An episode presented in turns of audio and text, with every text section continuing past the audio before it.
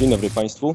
To kolejne spięcie biznesalert.pl. Kolejne spotkanie z Julią Gałosz. Tym razem online, ale nie bez przyczyny, bo łączymy się ze szczytu COP28 w Dubaju, gdzie nasza rozmówczyni jest i przygląda się, przysłuchuje rozmowom o tym, jak mamy chronić e, klimat. Bardzo miło mi Cię powitać w tej e, rozmowie online. Bardzo dziękuję. Cześć i dzień dobry Państwu. Kraków górą. Od tego zacznę. Jesteśmy obaj z Julią z Krakowa. Tutaj się chyba zgodzimy. Jak najbardziej, zdecydowanie. A czy kraje y, szczytu klimatycznego COP28 zgodziły się co do czegoś? Mamy jakieś y, konkrety na dobry start szczytu klimatycznego, który trwa do połowy grudnia? Jak najbardziej. Mamy kilka konkretów, e, parę porozumień zostało podpisanych, e, między innymi porozumień energetycznych, ale o tym może za chwileczkę trochę więcej powiem. Czyli coś tam jest, prawda? Bo zaczynamy od tego, że y, to nie jest tylko y, zlatywanie się drogimi odrzutowcami do Dubaju i, i fajne wakacje, jak widać za tobą, tylko też konkret.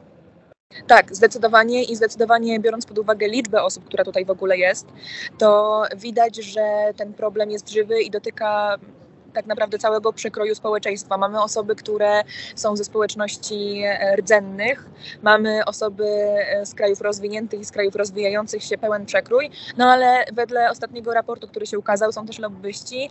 E, Łącznie mamy tutaj 100 tysięcy osób zakredytowanych, także mm, no po prostu mamy wszystkich. Przy takiej dużej liczbie osób ciężko, żeby, żeby nie było żadnego lobbysty. Ale z drugiej strony, jak są lobbyści, to znaczy, że jest też właśnie jakiś y, konkret, a nie tylko PR. Y, I w kontekście szczytu pojawiły się głośne, głośne słowa przewodniczącego szczytu Al-Jabera ze Zjednoczonych Emiratów Arabskich, który przy okazji jest prezesem spółki naftowej ADNOC, który powiedział, że jeśli byśmy zrezygnowali teraz z paliw kopalnych, to wszyscy wrócimy do jaskini. I co ty na to? Ja się z tym nie zgadzam. Zdecydowanie jest e, technologia, która pozwoli nam zdekarbonizować się w bezpieczny sposób. Możliwe, że nie będzie to aż tak szybko, jak byśmy tego chcieli i jak byśmy tego potrzebowali, natomiast musimy podjąć wszelkie możliwe starania, żeby to zrobić. E, W tej wypowiedzi mówił również o e, technologiach wychwytywania dwutlenku węgla i o tym, że powinniśmy iść raczej w tym kierunku rozwoju i spalać dalej paliwa kopalne, ale jednocześnie wychwytywać dwutlenek węgla e, z atmosfery. Jest to jakiś kierunek, natomiast jeszcze nie mamy tych technologii na miejscu. Są technologie e, pozyskiwania energii z zeroemisyjnych źródeł albo z niskoemisyjnych źródeł i na tym powinniśmy się w tym momencie skupić. Musimy cały czas rozmawiać o narzędziach, które już są, które już są dowiezione, możemy z nich korzystać. Musimy też myśleć o przyszłości, ale nie, jest to nie są to rozwiązania, które możemy implementować już dziś.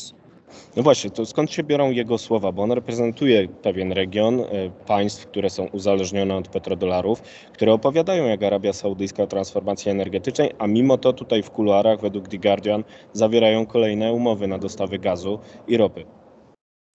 Ja myślę, że oni sobie doskonale zdają sprawę z tego, że to jest ich być albo nie być, no bo jednak to jest ogromny e, udział w ich PKB e, i na przykład Emiraty są, e, o ile się nie mylę, siódmym albo szóstym państwem na świecie, które ma największe złoża ropy i gazu ziemnego.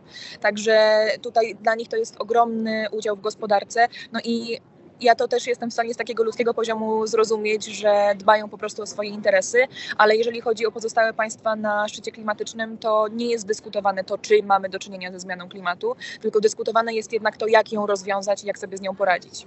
Tak, i o tym też porozmawiamy, bo jak wiadomo, Twoja organizacja Photo for Climate ma różne tutaj ciekawe pomysły, ale najpierw tak też po ludzku zastanówmy się nad tym, czy czasy takich potęg naftowych zmierzają ku końcowi, czy taki jest, taki jest klimat na szczycie klimatycznym, czy może trochę inny, że jednak one zostają na stole przez to, że dają surowce spoza Rosji.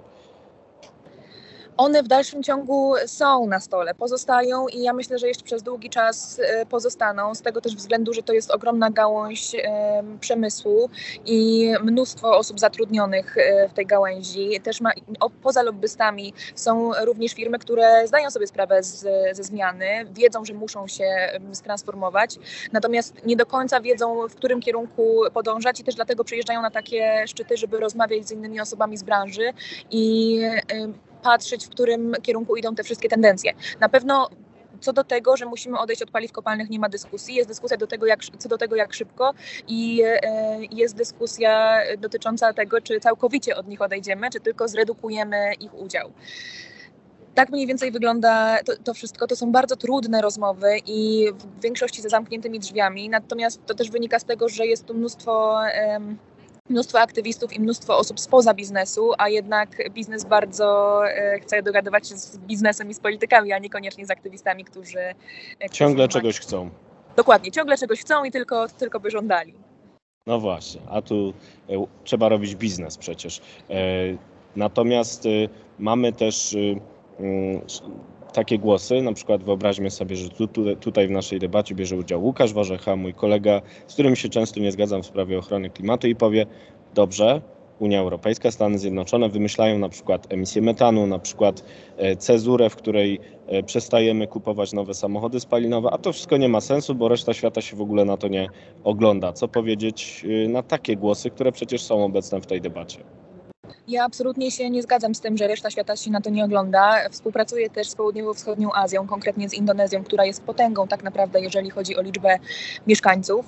I, e, i patrząc na południowo-wschodnią Azję, wiem, że oczy świata tak naprawdę w tym momencie są zwrócone na Europę i od tej naszej transformacji zależy też to, w jakim kierunku pójdzie świat, bo my jesteśmy takim fenomenem, powiedzmy, obszarem, który wie o tym, zgadza się co do tego, że mamy zmianę klimatu, że borykamy się z jej konsekwencjami i obszarem, który próbuje coś z tym zrobić. Jeżeli my będziemy próbować zdekarbonizować za szybko, i będziemy się borykać z blackoutami, e, z przerwami w dostawach prądu, z drożyzną e, czy z brakiem bezpieczeństwa energetycznego, no to niestety, ale świat za nami nie pójdzie. Ta transformacja poza tym, że musi, musi e, prowadzić do możliwie szybkiej redukcji emisji i tak naprawdę ścięcia ich do zera, to musi być również bezpieczna i korzystna dla mieszkańców danego regionu, tak żeby mogła być konkurencją dla tych paliw kopalnych bo inaczej za nami nie pójdzie Łukasz Warzecha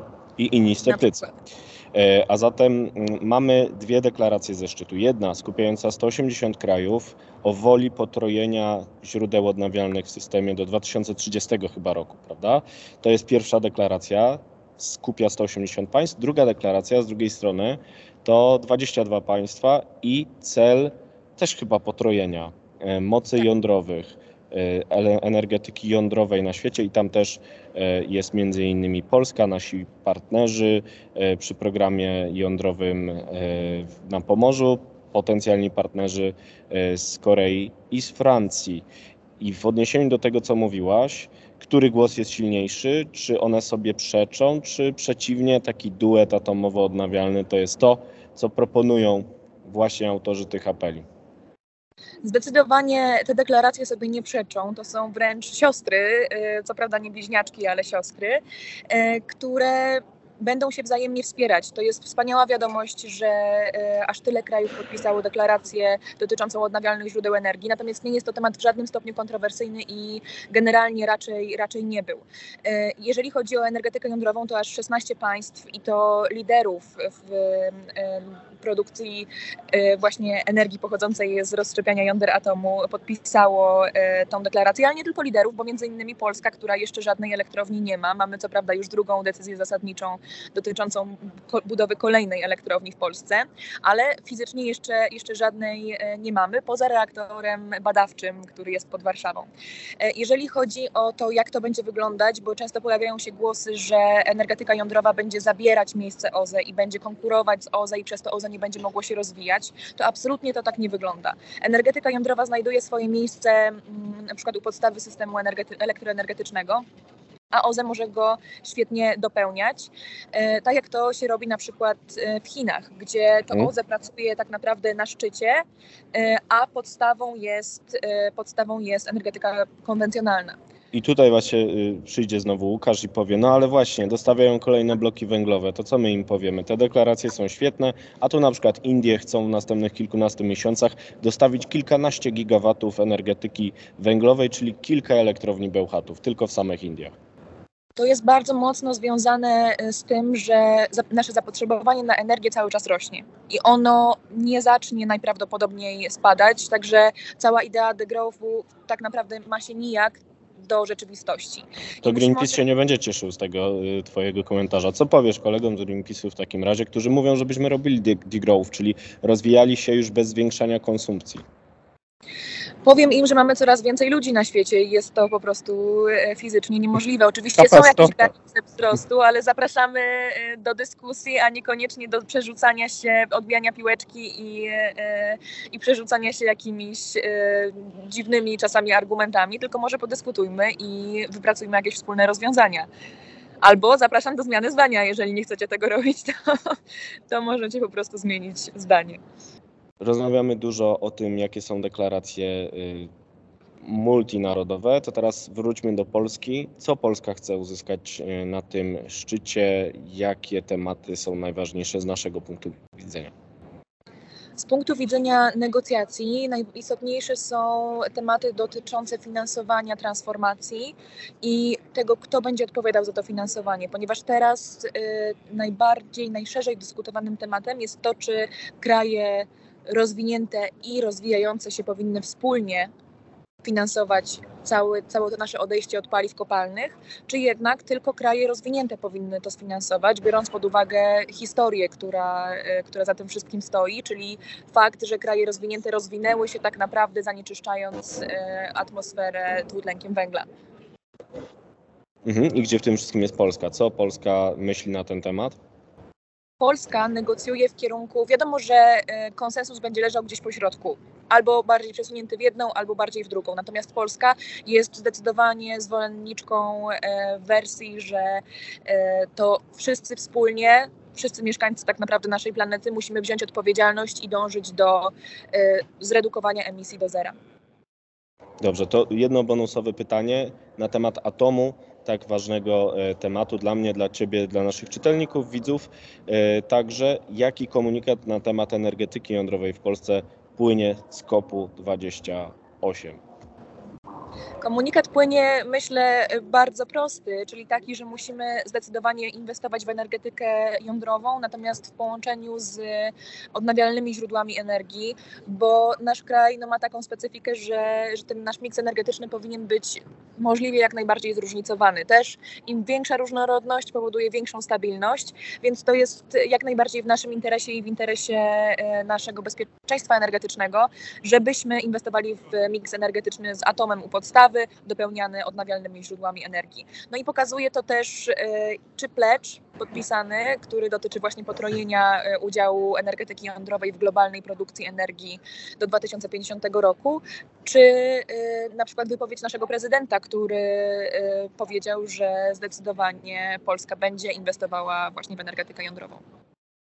A jeśli ktoś by wyszedł z postulatem na przykład denuklearyzacji, to może mieć teraz trochę większy problem z promocją takiego pomysłu. Zdecydowanie, zdecydowanie i nasi e, sąsiedzi albo nasi współmieszkańcy e, krajów europejskich również w większości tak naprawdę są za energetyką jądrową i to wszystko się zmienia na korzyść energetyki jądrowej w przeciągu e, ostatnich lat, zmieniało się w przeciągu ostatnich lat i tendencja jest taka, że generalnie coraz więcej osób i coraz więcej krajów popiera inwestycje w atom. I e, temat budzi coraz więcej spięć, bo jest tak bardzo ważny, a dzięki Tobie wiemy więcej i to bezpośrednio z Dubaju. Pomimo e, problemów z internetem udało nam się kilka słów na ten zamienić w spięciu. biznesalert.pl. Dziękuję Ci jeszcze raz i trzymam kciuki za dalsze negocjacje, które będą trwały do połowy grudnia. Dziękuję bardzo. Do usłyszenia. Do usłyszenia.